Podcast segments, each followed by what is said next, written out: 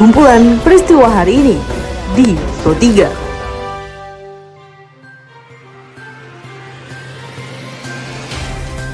Halo pendengar, selamat berjumpa kembali di podcast Pro 3 RRI dengan kumpulan peristiwa yang terjadi pada hari ini. Seperti biasa, pendengar pada podcast ini saya akan mengulas isu-isu aktual yang masih hangat juga ramai diperbincangkan di sekitar kita. Tentu saja nanti akan saya hadirkan cuplikan informasi dari reporter kami. Saya Tika Nantia, inilah kumpulan peristiwa Pro 3 di ruang dengar Anda. Pendengar sebelum masuk ke dalam beberapa isu aktual yang akan saya hadirkan sesaat lagi, saya mengundang Anda terlebih dahulu untuk mampir ke laman berita kami di rri.co.id. Anda juga bisa tentunya follow dan berkomentar langsung di sosial media kami di Instagram, Twitter, juga Facebook dengan cara mengetik at RRI Programa 3 di kolom pencarian Anda. Pendengar organisasi keagamaan Muhammadiyah meminta kepada masyarakat untuk tidak menolak divaksinasi COVID-19. Karena hal ini sudah berdasarkan uji klinis dan juga berbasis ilmu pengetahuan.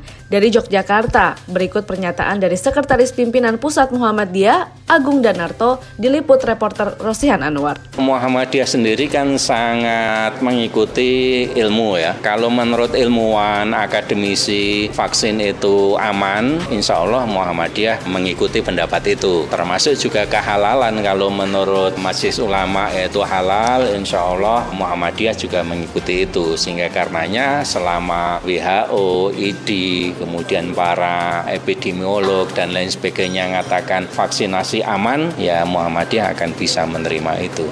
Masih terkait dengan vaksin COVID-19 pendengar, hasil uji coba tahap akhir vaksin COVID-19 dari AstraZeneca menunjukkan efektivitas rata-rata mencapai 70%.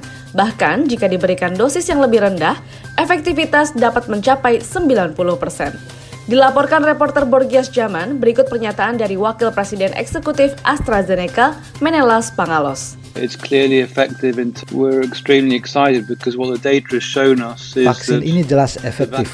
Kami sangat gembira karena apa yang ditunjukkan oleh data kepada kami menyatakan bahwa vaksin tersebut jelas efektif dalam hal mengurangi infeksi.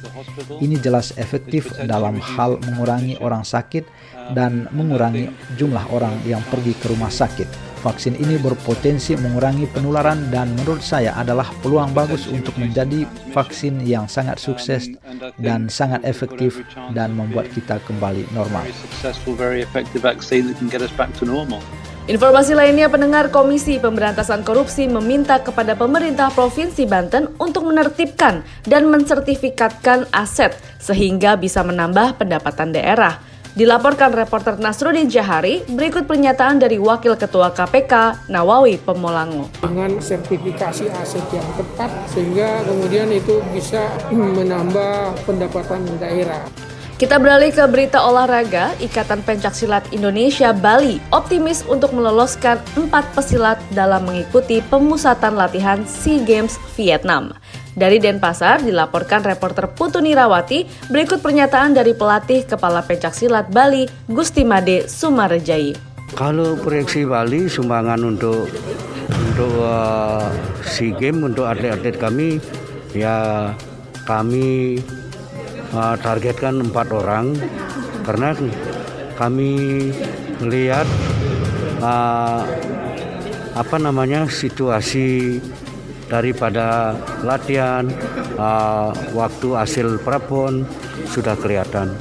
Pendengar informasi tadi mengakhiri perjumpaan kita pada podcast edisi hari ini. Dengarkan terus podcast edisi hari ini dan juga hari lainnya di Spotify dengan hanya mengetik Pro 3 RRI di kolom pencarian Spotify Anda.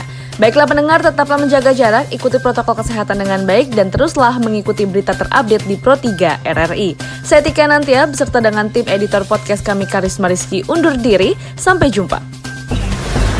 Ibu Kota DKI Jakarta masih Kumpulan peristiwa hari ini di Pro 3.